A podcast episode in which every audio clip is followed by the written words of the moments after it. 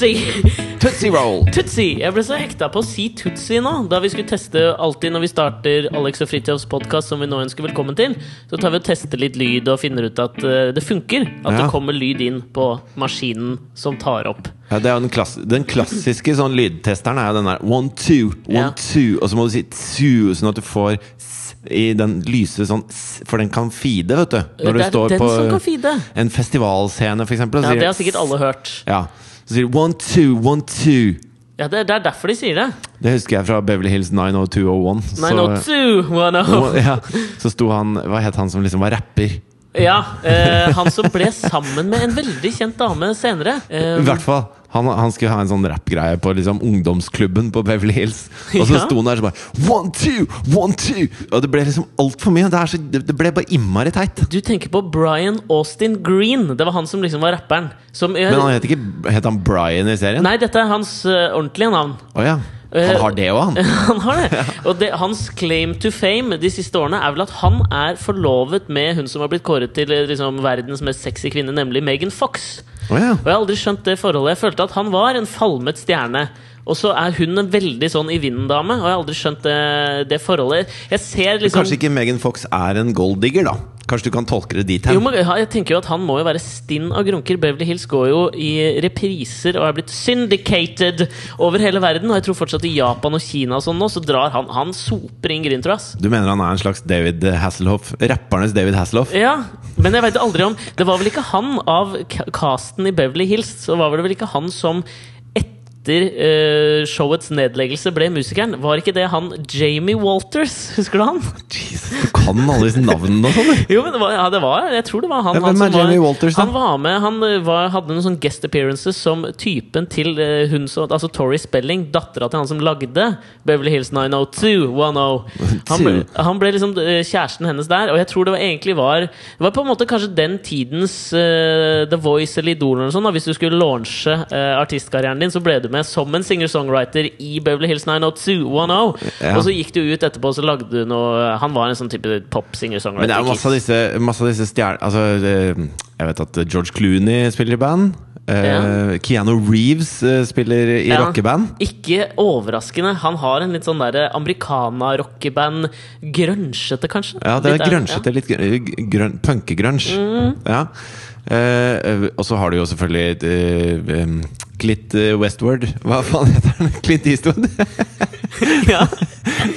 Det var faktisk, Litt Westwood? det var faktisk et Altså- helt ærlig forslag. Så dårlig er du ikke på navn, tror jeg. Det var Clint Eastwood, som jo er en habil jazzpianist. Ja, ja han, Han, han er jo god. også, var i hvert fall borgermester i Carmel. Og da, da vet jeg at eh, hver tirsdag mens han var borgermester, så var han nede på den lokale puben, liksom. Så satt han og kruna litt sånn jazzpiano borti hjørnet som borgermester, og er Clint Eastwood Det er i en ganske sånn kult. veldig sånn sjarmerende liten by på, på vestkysten av USA. Ja, på, I California, sant? Nord I California. California. Nord i California. Ja. Ja. på vei opp mot San Francisco. Ja, det fins jo La oss ta flere eksempler, da. Syns det er gøy? Jeg synes det er gøy. Ja, eh, Richard Gere, også en veldig habil klassisk eh, pianist. Det er en scene i Pretty Woman, en film jeg anbefaler alle å se, hvor han sitter og liksom bare spiller litt på piano. Da har han eh, laget låta sjøl og spiller sjøl, og det liker jeg litt, da. Jeg har jo faktisk en dobbeltskive med han Clint Westward eh, hvor han spiller live jazzpiano. Veldig bra. Men er det Altså, jeg ser for meg at han kunne Han er ikke rask nok til ragtime. Han er nok mer en litt sånn Han er jazza. Sånn Ja. laidback, chill, uh, standard jazz. Ja, fordi For Clint Eastwood, så, altså, for han så er det en bigeskjeft, og da syns jeg det er kulere. Men jeg husker jeg så et program med han Husker du skuespilleren Corey Feldman? Han var en sånn barnestjerne i Hollywood som var med i Teenage Mutant Ninja Turtles. Altså, jeg må si det Gremlins, The Lost Boys og litt sånn andre filmer. Han! Jeg bare så et program med han. Du kom med rare Husker du han fra Teenage Mutant Ninja Turtles og The Gremlins? Goonies var vel en han slo gjennom med. Men altså han, for jeg så et program med han også, hvor jeg føler at det er den ukule måten som Hollywood-skuespillere da liksom venner seg til musikken. Det er når karrieren går dukken. Og så skal du liksom sånn eh, hevde da at ja, men nå er det der liksom musikken er mer ekte. Det er det jeg satser på. Han har jo spilt i en sånn band dritlenge. Og så så jeg et program hvor liksom, en dokumentar om han, hvor det liksom dreide seg om egentlig den tristessen. Fordi han kommer jo aldri til å slå gjennom med det møkka bandprosjektet sitt. Nei, og da det- blir det ikke kult lenger, ikke sant? De greiene går jo, går jo begge veier. Det er jo som Justin Timberlake. Bare fordi du er med på Disney-klubben, så betyr ikke det at du skal bli stor stor filmstjerne. Liksom. Det, det stopper et sted. Du må, du må finne din nisje, og så må du holde deg til den. Akkurat det med Med mindre du er Tom Waits. Ja, Han ble jo Ja. kjent gjennom Disney-klubben. Ja, ja, men jeg, jeg vet det, men der er det jo på en måte nesten en garantist for at du senere skulle bli kjent. Ryan Gosling, Britney Spears Jo, jo, Justin men, han, men Justin ble jo kjent som, eh, som uh, musiker. Fantorangen. som Fantorangen. Bare fordi det har vært på NRK Super, liksom. Ja, ja. Fung Hang har jo på en måte gått den veien. ja, nei, hun har gått motsatt vei. Ja, men Hun var jo også artist, og så har gått inn Mm. Ja, Hun gikk jo fra et, et levende artistmiljø og inn i i Disney-klubben. Veldig Ja. hyggelig Fung her, for Eh, øvrig. Pung. Jeg har alltid kalt henne Pung. Men eh, det, grunnen til at vi havna inn på dette, var at jeg, eh, jeg kom til å tenke på, da vi testa dette her, Tootsie Og så fikk jeg, Det var liksom ordet jeg testa med i dag. Ja. Så kom jeg til å tenke på filmen Tootsie. Når vi sto på scenen med Span, så vi var liksom litt sånn rockete, da, så vi, det var litt teit å si one, two. Ja. Så da sa vi syfilis. Da fikk du liksom testa alle de kjipe Men får du den samme effekten hvis du da spiller på et svært toalett i Aberdeen? Hvis du sier syfilis? Da- da får du- heter det Da på får du uh, Nei, syfilis. Syphilis. Ja, det funker på kanskje Ja. One, two, syfilis. Men uh, det jeg har alltid tenkt på, uh, som du sikkert kan bekrefte eller avkrefte, det er når jeg har vært på konserter, og da er det helst på litt sånn mellomstore scener. Type hvis vi skal ha en eksempel i Oslo, kanskje Parkteatret Scene i Oslo. Så var jeg sist og så på han Jake Bugg, en uh, britisk sånn Ja, er singer-songwriter-type. Jeg syns han er litt irriterende. Du liker ikke han? Ikke. Jeg er ganske Jeg er fan, yes. Jeg Ja, liker ok. han kjempegodt. Supert. Um, men da er det en sånn lydkis lydkiss som skal liksom sette opp, og de har hatt oppvarmer og alt mulig, og så kommer han liksom på kanskje 14 ganger og sier det samme. One, two, test, two, two, two, tam, two. Og så tenker jeg i mitt stille sinn at nå gjør du dette bare fordi du egentlig drømmer om å stå på en scene sjøl, og dette er det eneste, dette er det nærmeste du kommer. Nei, jeg er uenig. Ja, eller jeg, Dette var en påstand, og jeg vet jo ikke om det stemmer. Altså, Det han gjør, er jo å teste at det ikke ligger noe feedback der. Og at det, Men liksom, han gjør jobben sin. gang, Da. liksom. Nei, Det holder jo ikke én gang. Nei, men Holder ikke fem, da? Nei, Begynner å feede altså sånn Hvis du har testa det én gang Nei men da, altså, uten, Nå å bli, Jeg bare lurer! ja, uten å bli for jævla teknisk her nå, da, så er det jo mange, det er mange kanaler på et miksebord. Ja. Hvor hver mikrofon går liksom inn i hver kanal. Ja, men han gikk jo til Også, samme mikke hver gang! Ja, Det er sikkert fordi altså, han kan teste in-airen til Jake Bugg, så han står kanskje bak scenen og sier Nei, jeg må ha litt mer, litt mindre oh, ja, i in-airen. in-air. Eller hvis det er et eller annet som ligger og rumler på scenen, så kanskje du gjør noen frekvensjusteringer på den mikken. For det er alltid mest lead-vokal i monitorene rundt på scenen. Og det, hvis det er mye lyd på scenen, så kan det gjøre at det feeder ut i høyttalerne. Han gjør Han jobben sin! Han Da- gjør jobben sin. Da, da, hvis vi er inne i dette her nå, så har jeg et spørsmål til. Fordi nå tenker jeg at jeg er eh, Og det er altså sånn der feedback er noe jævla Ja, det er dritirriterende. Men nå, nå Vi har jo eh, altså, eh, bassisten Kim, Kim, som jeg har spilt i band med. ja. Han øh, drev jo og øvde som alle andre i et lite rom med band når han, var, når de gikk liksom på ungdomsskolen. Ja. Og da står du rett ved siden av trommesettet, og en eller annen øh, fyr som limer til cymbaler helt inntil øret ditt. Og det er jo å, å knerte ører, da. Mm. Ja. Det funker ikke. Så han har jo fått uh, tinnitus. Eh, Gateway to tinnitus, ja. ja. Og så skulle vi spille på Rockefeller. Jeg tror det var, det var faktisk avslutningskonserten til Span. Vemodig, samtidig flott. Og det var veldig flott, for det var liksom utsolgt, og folk var helt over seg, og det var veldig stas. Um, og så sitter han og justerer litt på noen bokser han har nede uh, ved monitoren på scenen sin. Så han sitter på knærne rett foran monitoren. På scenen sin. Ja, på scenen sin. Før konserten. Før dørene er åpnet. På scenen sin. Og så, og så plutselig kommer det en sånn derre helt sinnssyk feedback Ja. ut av den monitoren. Da har han ikke tatt på seg ørepluggene sine ennå. Han sliter med tinnitus tin Akkurat som jeg sliter litt med å prate akkurat nå. Ja. Han sliter med tinnitus i utgangspunktet. Og da, eh, da mista han hørselen i type ti minutter. Så jeg kom ut på scenen akkurat det han kom løpende av. Han så liksom 20 år eldre ut. Han hadde fått masse sånne rynker og helt grå i ansiktet. Mens han løp og holdt hendene for ørene. Og så lå han på en sofa inne backstage på Rockefeller og hørte ingenting i ti minutter. Jeg har aldri sett en så redd mann noensinne. Det var, det var, ganske, det var en sånn ordentlig fysisk opplevelse, altså. Ja, jeg skjønner det. Altså, ja, da, da skal vi, siden det er jo egentlig en litt sånn trist og skummel opplevelse Ja, så har vel du en anekdote om Judd Apatow som du kan lime på dette her? Eller noe om Pretty Woman, kanskje? Nei, men Jeg kom til å tenke på en video jeg så her, fordi det er jo Altså det kommer videoer ut på eh, sosiale medier, og folk poster ting som være morsomme, alt mulig sånn hele veien, og så er det liksom noen sånne som alltid skal legge ut eh, videoer som liksom skal være vakre og til ettertanke, som liksom skal beskrive noe, ikke sant? Ja, Da tror jeg en video av Kim som ligger på den sofaen helt grå i ansiktet og nesten gråter fordi han har mista hørselen. Ja, Eh, men- En time før utsolgt Rockefeller-konsert. Avslutningskonserten med bandet sitt. Jo, men Veldig den, trist. Ja, den er trist, men den har på en måte ingen dypere bunn enn 'ikke spill, ikke stell deg rett ved siden av symballen' som 18-åring. Eller sånn 12-åring. For Kim er jeg sikker på at den har dypere bunn jeg enn det. skjønner det. Men da, jeg så en video da av en døv, en døv mann som uh, sleit og, og døve snakker jo ofte på en litt sånn artig, Jeg må være lov å si artig måte. Og så var det en sånn øh, amerikansk video som har blitt spredd mye nå, av en døv mann som får en julegave, og så reagerer han øh, på en veldig sånn barnlig måte. Sånn som barn blir ofte veldig sånn De blir gira når de får julegaver. Og så øh, blir den liksom posta ut med liksom sånn Se hvor fantastisk dette her er. Og så tenkte jeg jeg kan jo ta så spille den av for deg, Fordi det holder å se lyden. Jeg kan jo beskrive Jeg kan se lyden! ja, Det er helt utrolig! På scenen min! ja. Fett, ass! Hører lyden? Fordi jeg kan jo beskrive han fyren, og så er lyden det viktigste. For da har jeg noe å si etterpå. Og så etter hvert skal jeg komme til hvorfor dette Tutsi-greiene er. Dette var en Eh, slags ingress det, hvor du forteller alt som skal skje framover. Ja. så, altså, Så du, nå skal jeg spille spille den videoen? Jeg skal se lyden. Skal vi prate litt om og det? så skal, har du noe å si om det? Jeg har litt å si om det, og så etterpå Så skal kommer jeg jeg sikkert si med noe innspill. Så sp- spiller vi litt ping-pong om det der. Og så går vi videre til Tutsi. Senere skal jeg fortelle en historie om da jeg var på Ikea. Open it, Henry. I don't know what is. Okay, that's fair. What is it, Henry? iPod. I got an iPad! I got an iPod. iPod. Oh my God. I got an iPod. Oh my God. I got an iPod. Han fikk da en iPad. ok.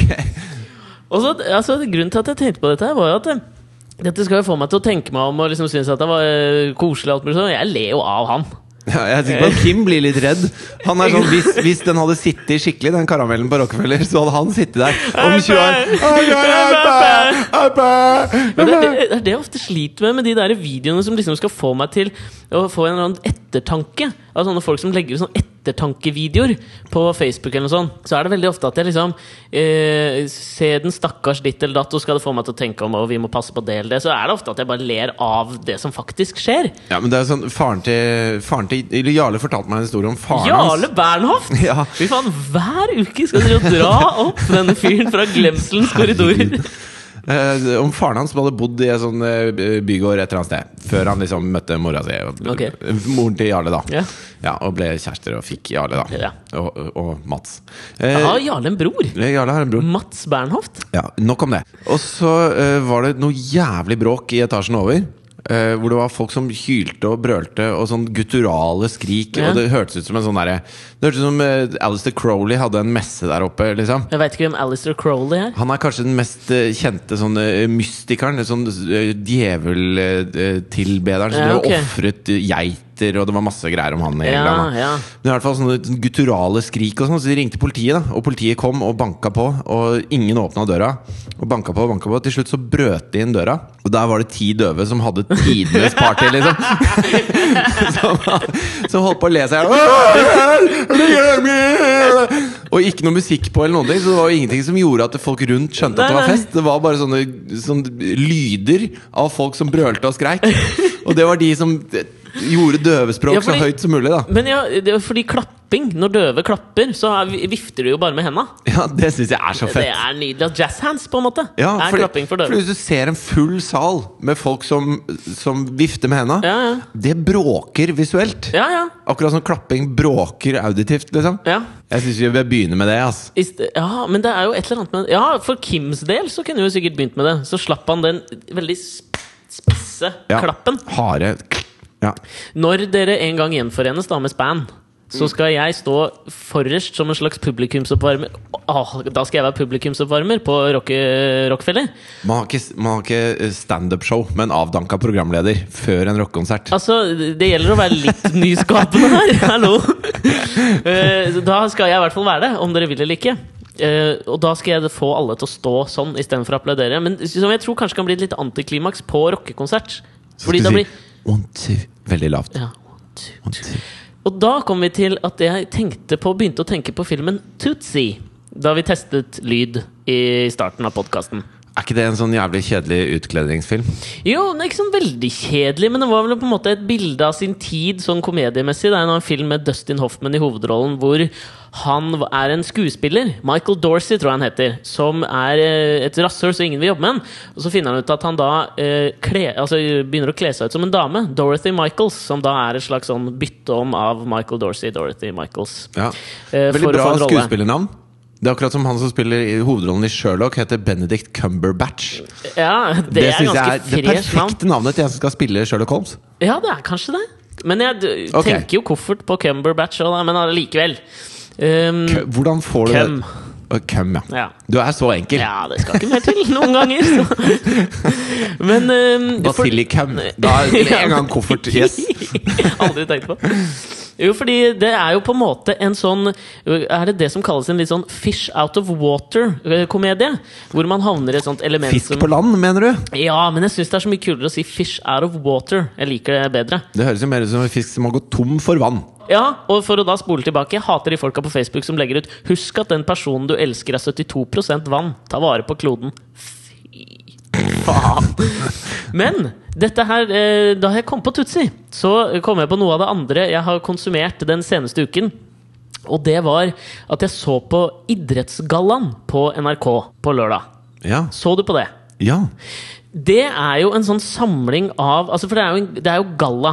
Og alle idrettsutøvere i gallaøyemed føler jeg er fish out of water.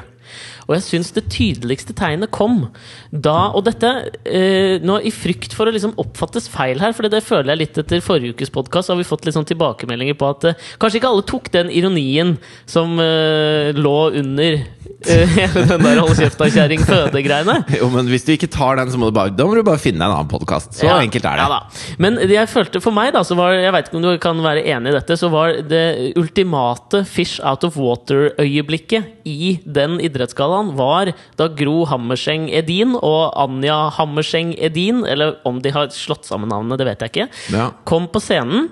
Og de er jo da kjærester, håndballspillere, og skulle dele ut pris. Ja, så sier da eh, Anja Ja. Så sier hun at eh, vi har fått eh, For jeg husker dette veldig godt. Ja.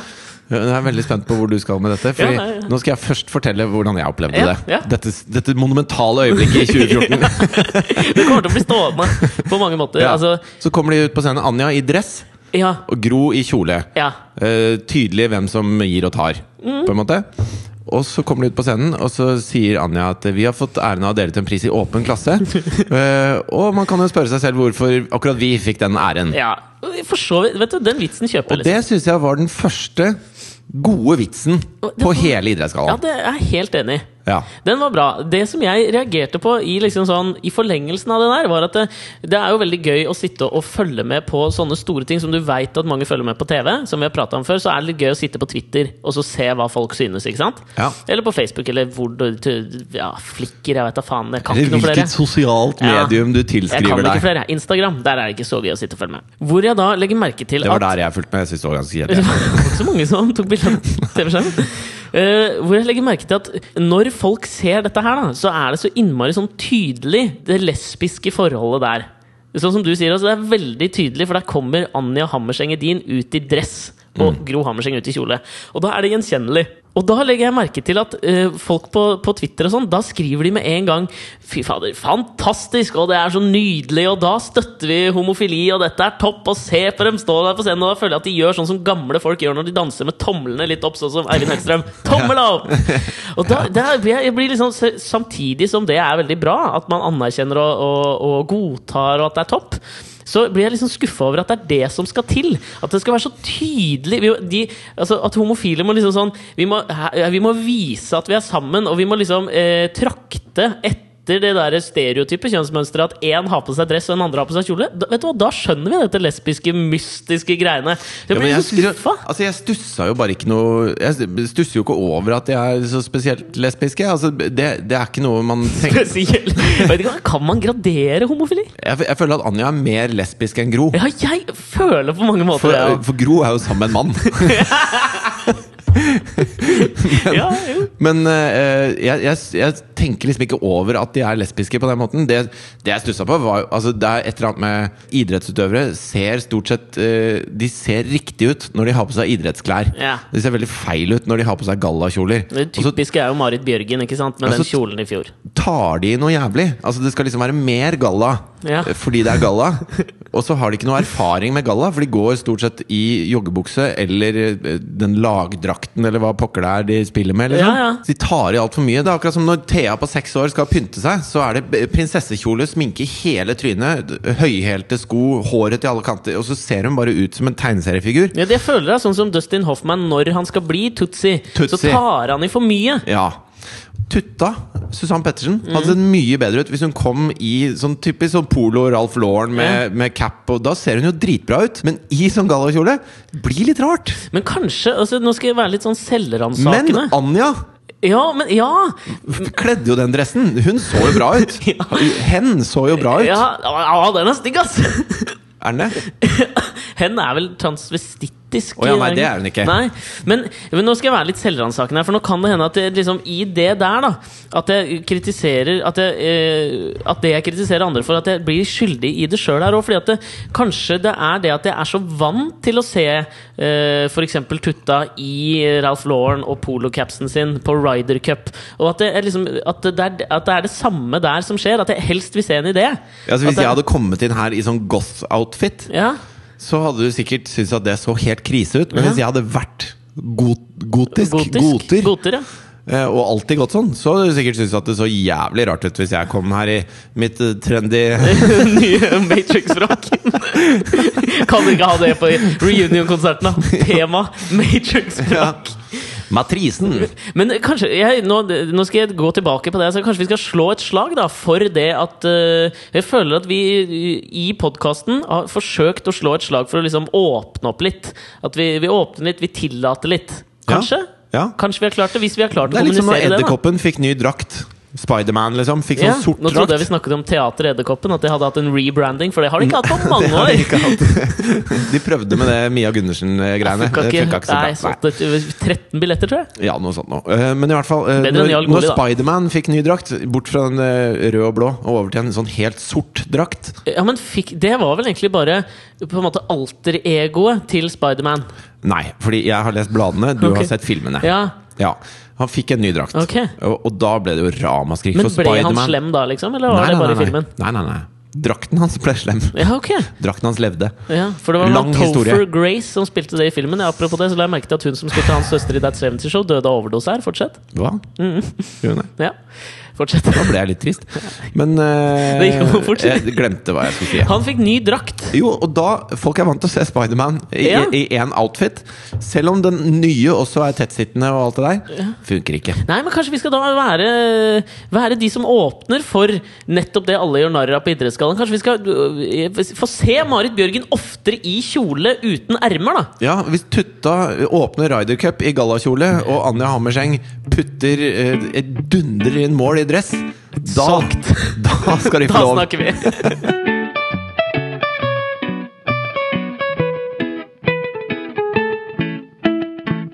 Jeg har opplevd, i likhet med deg, veldig lite den siste uka. Jeg jobba veldig mye. Ja, eh, og der, Det skal jeg komme tilbake til. Men, men først skal jeg den mye Den høye forventede Ikea-historien som jeg droppa i stad. Som du tisa. Ja. Som gjør at ingen skrur av dette, for. Alexander har vært på Ikea. Ja, hva er greia med Ikea? Hva skjer med Ikea, liksom? Hvorfor er det ikke Masse mulig å gå fra starten til kassa, Ah, liksom? Når du skal ha en sånn ekstra poseholder da, som du skal feste på innsida av døra på kjøkkenet ditt, så må du liksom gå i Helt 20 minutter. er En jævla shoppingmaraton. Det der at alle klager over å gå på Ikea hele tiden, det er- klarer jeg ikke å kjenne meg igjen i. Jeg koser meg på Ikea. jeg. Syns det uh, synes det er topp, jeg. Ja, altså, du finner jo mye greier du har lyst på. Jeg, jeg Det er mye ikke folk der, da. Det er det jeg- jeg syns er irriterende. Jo, men det er masse folk andre steder òg. Når ble vi så jævla redd for folk, Nei, jeg er ikke redd for folk, men folk går for treigt. Selv når du hva, jeg har vondt i i. ryggen, så går de for treigt. Og på. Ikea så er det ikke plass, det er ikke noe forbikjøringsfelt for meg. Nei, det er sant. Jeg krasjer i ting liksom når jeg prøver å gå i vanlig tempo, fordi folk er i veien. Og det irriterer meg. Det er, det, en liten digresjon der som jeg gikk og tenkte på på vei til kontoret i dag, var at der har jeg funnet den største forskjellen mellom deg og meg, som jeg føler er veldig sånn talende. Som, er, som har den dypere bunnen som ikke de der Facebook-videoene har. Og det er forskjellen mellom deg og meg. Og nå føler jeg at jeg blir en av din, så de der, Det fins to typer mennesker i verden, de eller de, og det er ikke sånn ment. Nei. Men forskjellen mellom deg og meg er måten vi går på. Fordi jeg går sakte, du går fort. Ja. Jeg går og slarver litt rundt. Du går som en sånn ballerina i plié. Altså tærne peker utover. Mm. Ja. Litt chaplinsk. Rolig, bedagelig chaplinsk. ja, veldig. Jeg Mm. bru, altså, eh, for meg er på en måte veien målet. For deg er målet målet.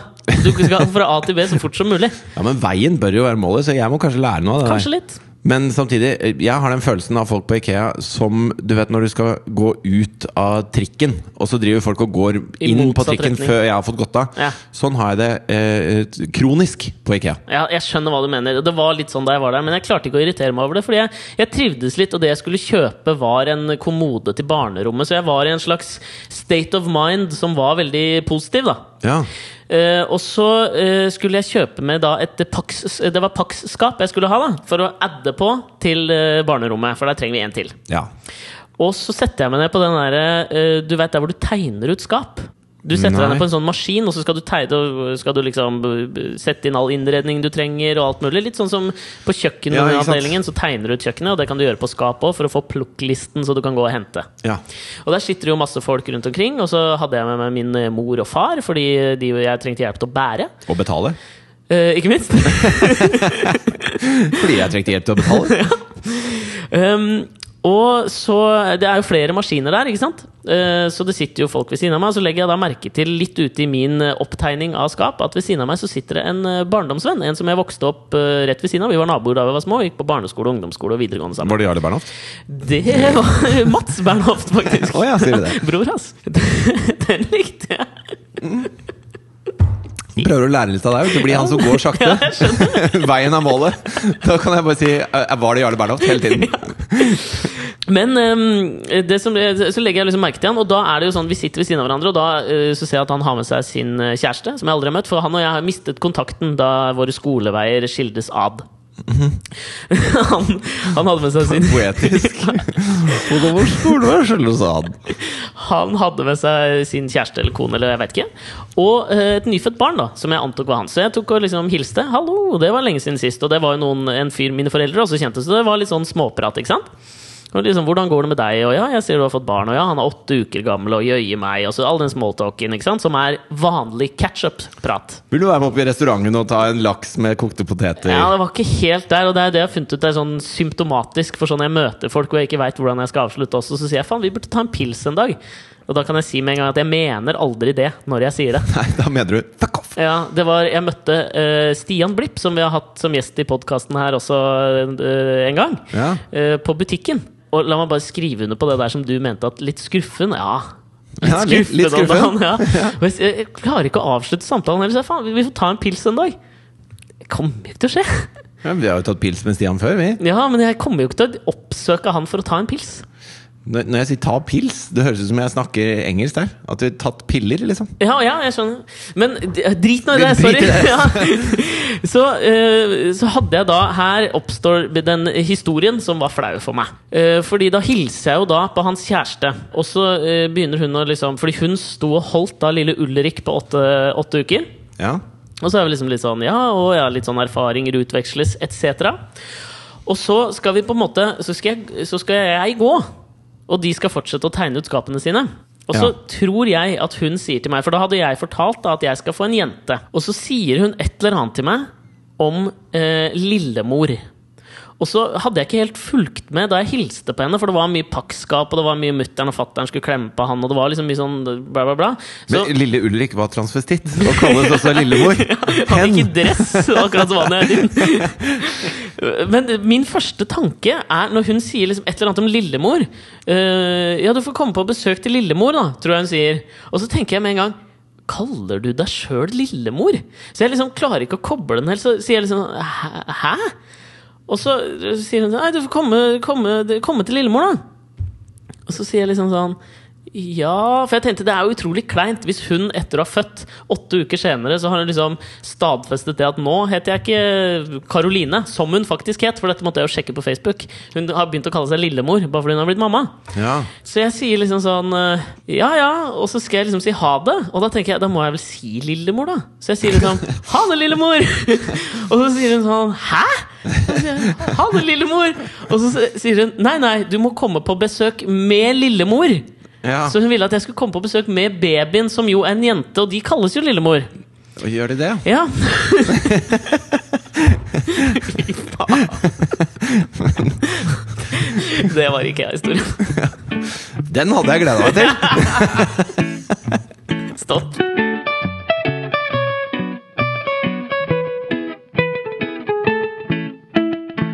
Men vi har som sagt jobba veldig mye i det siste, så jeg går hjemmefra sånn litt før åtte hver morgen. Og kommer ned på kontoret, og så er jeg hjemme sånn i nitida på kvelden. Eh, og i går så var Thea sjuk, så jeg måtte ha med Thea på jobben. Og da er det Alexander og denne fotografen Lars, som vi har prata om mange ganger, som, som også er her, da. Og, og man tenker på mange ting når man skal oppdra et barn. Ja. Eh, Du for eksempel banner jo Ja. absolutt hele tiden! Det. Sier faen liksom i hvert, hver tredje setning. Sier faen, og Thea reagerer jo Ja. som om du kaster liksom Bensin, Bensin på bålet. en brennende mann. Ja, hun liksom bare øh, Faen! øh, øh». Ja, Og da begynner, ja. da begynner hun å si faen også, så blir det en sånn bonanza av faen. da Ja. Tenker jeg dårlig innflytelse, dårlig innflytelse Og så sitter Thea ute vi skal spise lunsj, og så sitter hun og sier sånn Poli, poli 1, poli 2, poli 3, og så skal jeg liksom vise at hun kan den regla, da. Ja. Og alle skal liksom Og politi, og så Åh, sier du det? Ja. Og så sier Lars, da, mens han står og, og steker egg, så sier han Onan 1. Og jeg bare Nei, nei, nei. nei Og Thea begynner da. Onan 1, Onan 2, Onan 3, Onan 4, Onan 5. Og jeg bare Jesus, skal hun komme hjem og si dette, Katrine? Men hun stopper ikke på Onan 9! Neida. For det har hun aldri hørt om. Onan 10, Så hun bare Onan 10! Og det syns jeg var veldig gøy. Ah. Så det fikk vi henne til å si ganske mange ganger, da. Ja, men det er noe gøy med det. Eh, eh, barn sier de rareste ting. Jeg la den ut på Instagram. Folk kan gå ut og se på Thea der. Men det er en annen ting av det du sier som jeg henger meg opp i. Og det er det der at eh, når eh, Som vi har sagt før også, når vi eh, har denne podkasten ukentlig, så fordrer jo det at vi sitter her og prater i en time. At vi har opplevd noe som vi kan prate om. Helst, da. Ja. Eller konsumert noe, eller whatever. Noe må har skjedd i livet, liksom. Hvis ikke så kan det bli litt kjedelig. Ja, akkurat nå så sitter vi og jobber med et TV-program som vi ikke kan prate om. Nei, og vi sant? jobber med det hele tiden. Så per definisjon så opplever vi ingenting. I hvert fall ikke så, som vi kan prate om, da. Nei. I dag så er det noen, noen noen og ras her. Men jeg, jeg liker jo å tro at vi har en slags eh, Vi har en slags eh, Et hvelv. et hvelv å ta Av av, historier. Skal jeg fortelle en ny historie om faren til Jarle Bernhoft? Ja, gjør det. Så kommer jeg til det andre jeg skulle etterpå. skjønner du Første gang faren til Jarle ble med altså sin, sin kjære da, hjem for å hilse på hennes foreldre, Ja. Så, så trekker da eh, faren til moren til Jarle fram en flaske, tungvint, ja. en flaske konjakk Ja. og setter et sånt stort konjakkglass foran pappaen til Jarle. Ja. Berner Bernhoft. Nei, det heter han ikke. og, så, og så begynner han å skjenke i konjakk mens han prater med, med faren til kjæresten sin. Så han følger ikke med på hva han gjør. Ja, altså Det er faren til Jarle som heller i. Ja, Og han er da sammen med morfaren til Jarle. Nei. Til, her til Jarles barn? Det, ja, morfaren til Jarle, ja.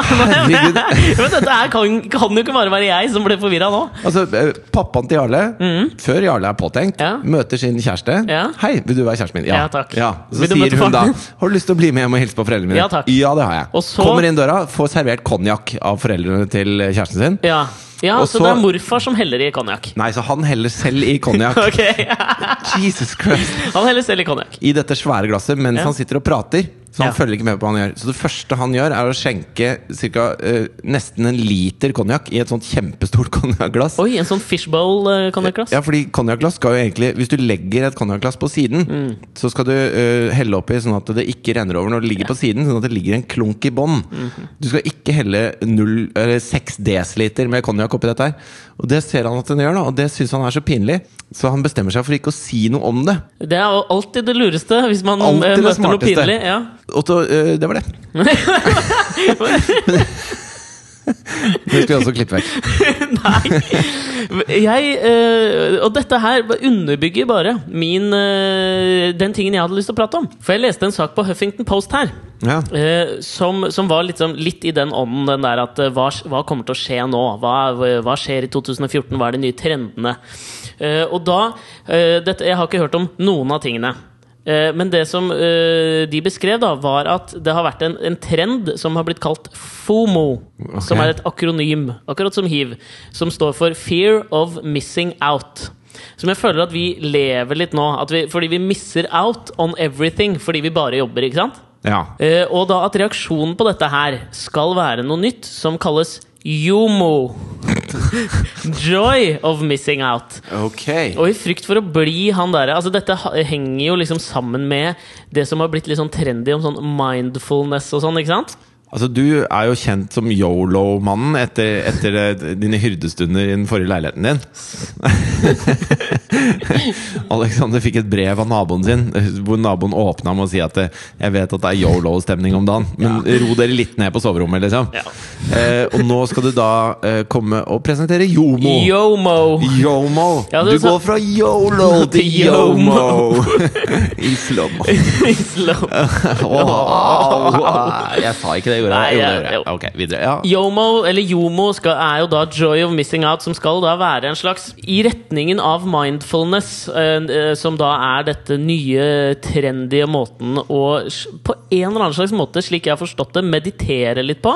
La meg gjette. Det er nytelsen ved å koble av. Ja, det er ved å det. ikke være til stede overalt hele tiden. Og bare nyte litt og, og oppleve livet der det som det blafrer forbi. Ja, jeg føler at det er liksom den nye kabbala-greia.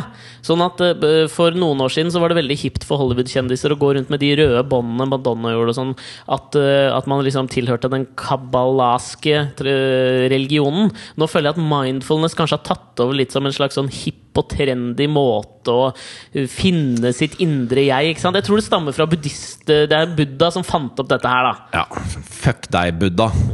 ja, nei, men ja, han kan Nei, altså, men jeg, altså, jeg, er enig, jeg er enig i mye av dette her. Men Ja. alle som må lage sånne 'fra nå av skal vi leve jomo', ja, ja, da bare da, da, Det er for mye for meg. Det ja, fikser jeg jeg, ikke. Ja, Da må du heller bare gjøre det. Ikke, ikke si det, liksom. Det, altså, du kan godt si uh, Say man it, skal, don't spray it! ja, man, skal, man skal ikke plage andre, man skal være grei og snill, og for øvrig kan man gjøre som man vil. Mm. Den kjøper jeg, liksom. Kardemomme, ikke jomo. ja, ok Men dette skal visstnok da bli en trend. Det skjer jo alltid sånn. Jeg skjønner ikke hvorfor man skal liksom reagere Dette på det. Dette skal visstnok bli en trend. Ja, det er det de sier, da. Og jeg skjønner ikke hvorfor man alltid skal, skal si sånn. Altså, Vi veit gjennom historien at hvis noe skjer, så får man en reaksjon som kanskje går i motsatt retning Men veldig hvem ofte. faen er Huffington Post, egentlig? De tar jo bare og henter nyhetssaker som andre har skrevet, og putter det i sin egen webside, og så tjener de masse penger på det. Mm, Genial businessidé. Men de Ja. har vel begynt å bygge opp sin egen slags form for redaksjon også, som produserer eh, redaksjonelt materiale, tror jeg. Ja, De er jo en slags, eh, en slags merkelig internett-Robin Hood, Mm. som stjeler fra de som er i ferd med å bli fattige, for å gjøre seg selv rik. Ja, Men du, det, er jo gen, det er jo genialt. Det, altså, hvis Men det er jo, det er jo tyveri. Ja, men de siterer jo nøye og linker opp eh, til det de, det de siterer. Så sånn sett så er det jo greit. Ja, men er det greit? Ja, jeg synes Fordi det er greit. da Istedenfor å gå på New York Times, så går du jo på Huffington Post, og så får du den artikkelen fra New York Times som, som de syns du bør lese. Ja, ja, jo, kanskje. Men jeg, jeg, tror, jeg tror de også nå bygger opp et eget redaksjonelt uh, miljø som, som skriver saker sjøl òg. De utvider på en måte. For denne saken som jeg leste her, er skrevet av en som jobber i Huffington Post. wow! Det er ganske rått. Og han er tydeligvis en, Hun. hun er tydeligvis en tung aktør i markedet, siden hun har funnet ut at Yomo kommer til å bli den nye trenden i 2014. Ja, og Det er tydelig at de går aktivt til verks for å bygge opp sin redaksjonelle stab, sånn at de kan komme med tungtveiende Ekspertise, ekspertise inn i livene til mennesker i 2014. Ja, fordi det hun grunngir det med da, i denne saken, er jo at eh, eh, sånne British MPs, Members of Parliament, de uh, får nå kurs i yomo. De får kurs i mindfulness. Og da skal det liksom bli en trend. Ja. Uh, og dette her har jo eh, Jeg har jo tenkt på det fordi jeg føler at vi eh, og det, jo, det var jo litt det- Du foregrep meg litt der med det at man trenger ikke å si det for at det skal eksistere. For jeg føler at vi lever yomo akkurat nå. For jeg setter veldig pris på tilstanden jeg er i av mindfulness. Det er jo den ytterste konsekvensen av det hyllede intervjuet Louis C.K. gjorde på Conan, hvor han prater om uh, iPhone og hvorfor han ikke vil kjøpe mobil til barna sine.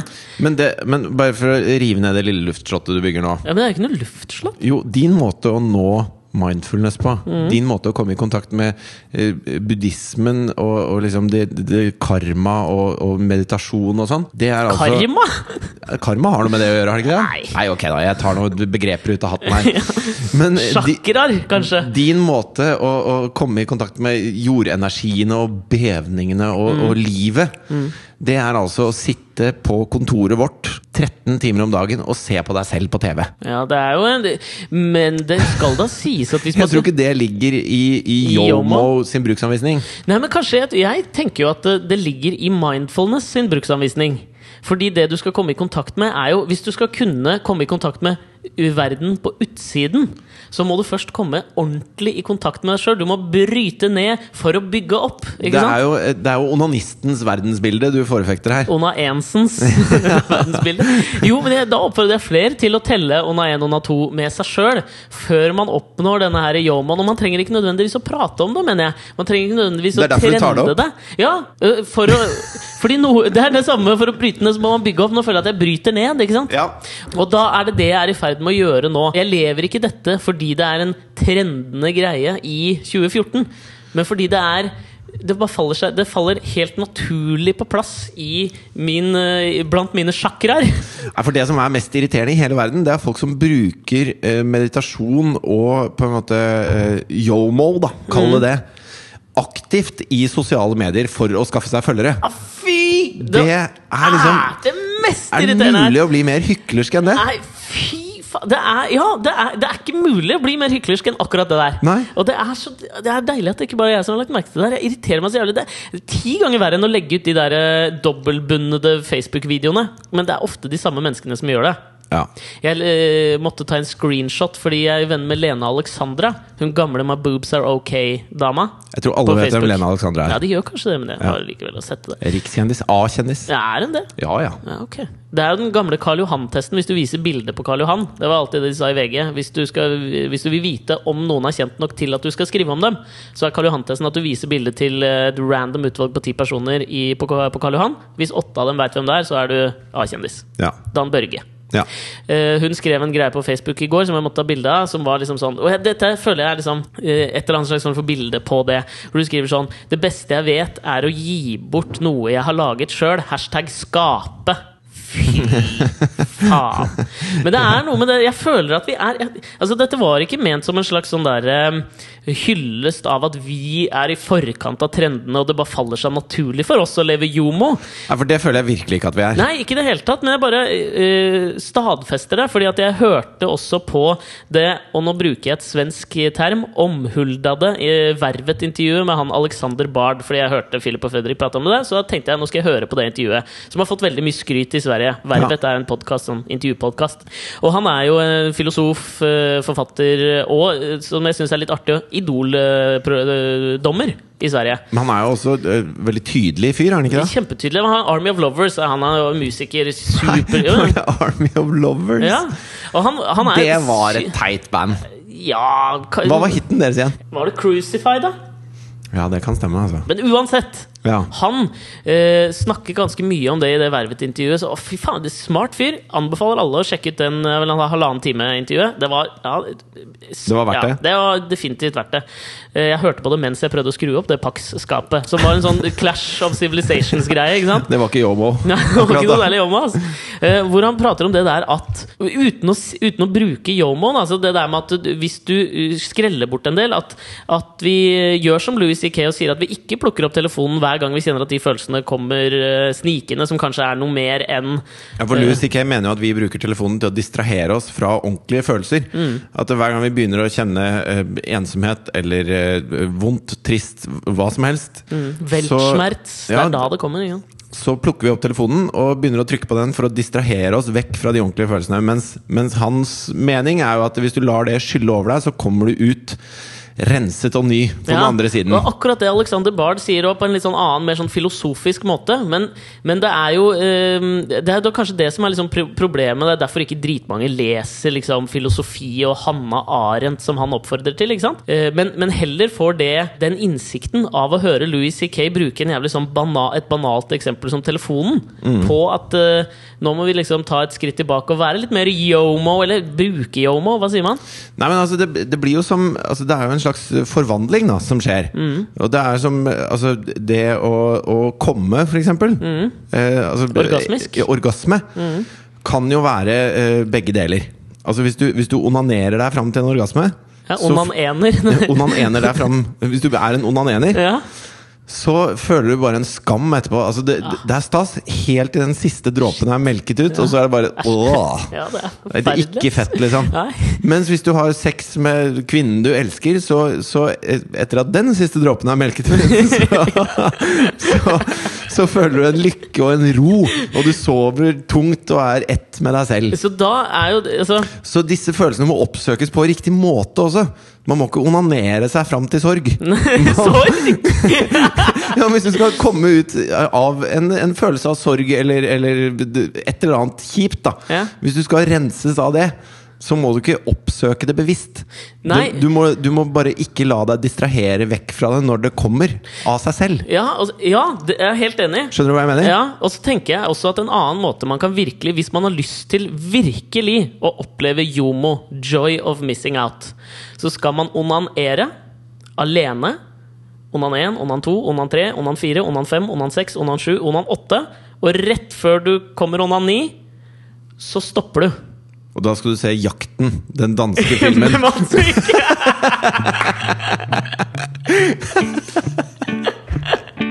Det er en tung fredagskveld. Det er jo jomo.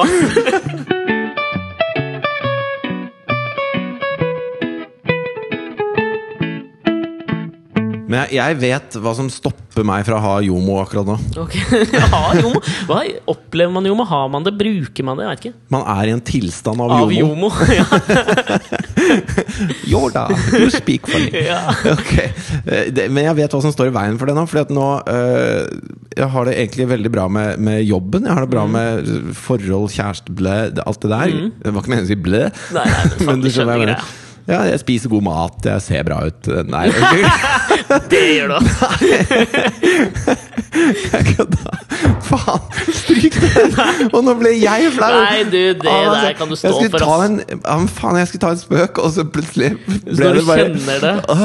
Nei, det der går fint. Ok, men i hvert fall eh, fordi, fordi eh, det er mye som må gjøres nå, da. Mm. eh, så, så glemmer jeg å betale regninger. Jeg glemmer å betale regninger og svare på mail. Ja. Og, og jeg kjenner at det driver og gnager i bakhuet mitt.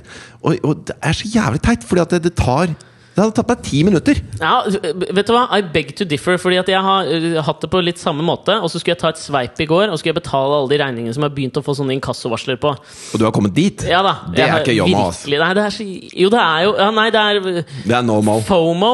Hva betyr det? Fear of missing out. Å, ja, Altså, jeg har jo blitt redd. For Ja, okay, jeg altså, jeg, vil ikke ha noen betalingsanmerkninger. Fy faen, snorkete ord, ass! Ja. Um, hvor jeg prøvde å komme meg Kan ikke vi gjøre et eksperiment? Prøve å lage 100 podkaster uten å bruke ordet betalingsanmerkninger en gang Ja, det kan vi gjøre. Nei, jeg skulle Jeg, har, øh, jeg mis, klarte jo å miste mobilen i et glass med vann på første nyttårsdag, så jeg måtte få meg ny mobil. Tusen hjertelig. tusen hjertelig Som gjorde at øh, den bank-ID på mobil funka ikke lenger. Fordi når du har bytta om sånn, så må du sette det opp på nytt. Og da måtte jeg få bestilt en sånn kodebrikke på nytt fra banken. ikke sant? Fortsatt kjedelig, dette her. Ja, det, er, det er kjedelig. Jeg må forklare. Det er, Ja. det er vanlig. Kanskje folk kjenner seg igjen i dette. Okay. Og jeg føler at det, til og med det poenget mitt her er utrolig sånn banalt og jævlig, som alle har opplevd. Og litt kjedelig, eller? Ja da. Ja, okay. Men eh, jeg prøvde da eh, å logge meg inn med sånn kodebrikke igjen, og da kom jeg til den derre eh, Berlinmuren. Altså, 2014s Berlinmur er faen meg Java. Ja, ja. Fordi det tar ikke ti, det tar ikke to minutter å gå inn og betale en regning. Jeg brukte en time på å Jeg installerte Java 100 ganger og kom meg ikke inn. Men du vet at du kan velge sånn alternativ pålogging? Så er det bare eh, passord og Kodebrikke rett inn. Smack bang. Nei, det visste jeg ikke. Nå vet du det. Takk. Folkeopplysning om betalingsanmerkninger. Ja. Takk for meg. Vær så god. Boring! Ja. Men kanskje vi burde også etterstrebe, hvis vi skal eh, eh, ta, gi lytterne da denne jomo-følelsen ut av denne podkasten, som jeg føler eh, er, blir, kanskje heter jomo.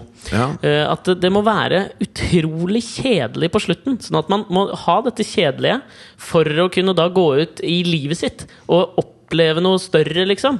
Men jeg jeg tenker sånn her Sånn som når jeg kom nå med det trikset med at man kan velge alternativ pålogging. Det er et triks! Ja, ja. Et triks er noe som letter hverdagen litt. Ja. på en måte Og det samme er det når- Life cheats. Ja, life cheat. Og det samme er det når du kommer med Jomo, da, som du har lest om. At Mhm. dette har du lyst til å oppnå. Det er en, det er en life cheat. Du har lyst til å liksom, få livet ditt mer strømlinjeforma og bedre. Mm. Uh, de tingene man anbefaler da, må man passe litt på. Fordi at hvis du går på sånne sider med life cheats, ja. hvor de sier at eh, ja, her er noe dritsmart. Du tar en, eh, en solkremtube, og så klipper du av toppen, og så lager du en liten hank på det, så du limer fast med aralditt, og så tusjer du på den sånn at den blir grønn, hele greia.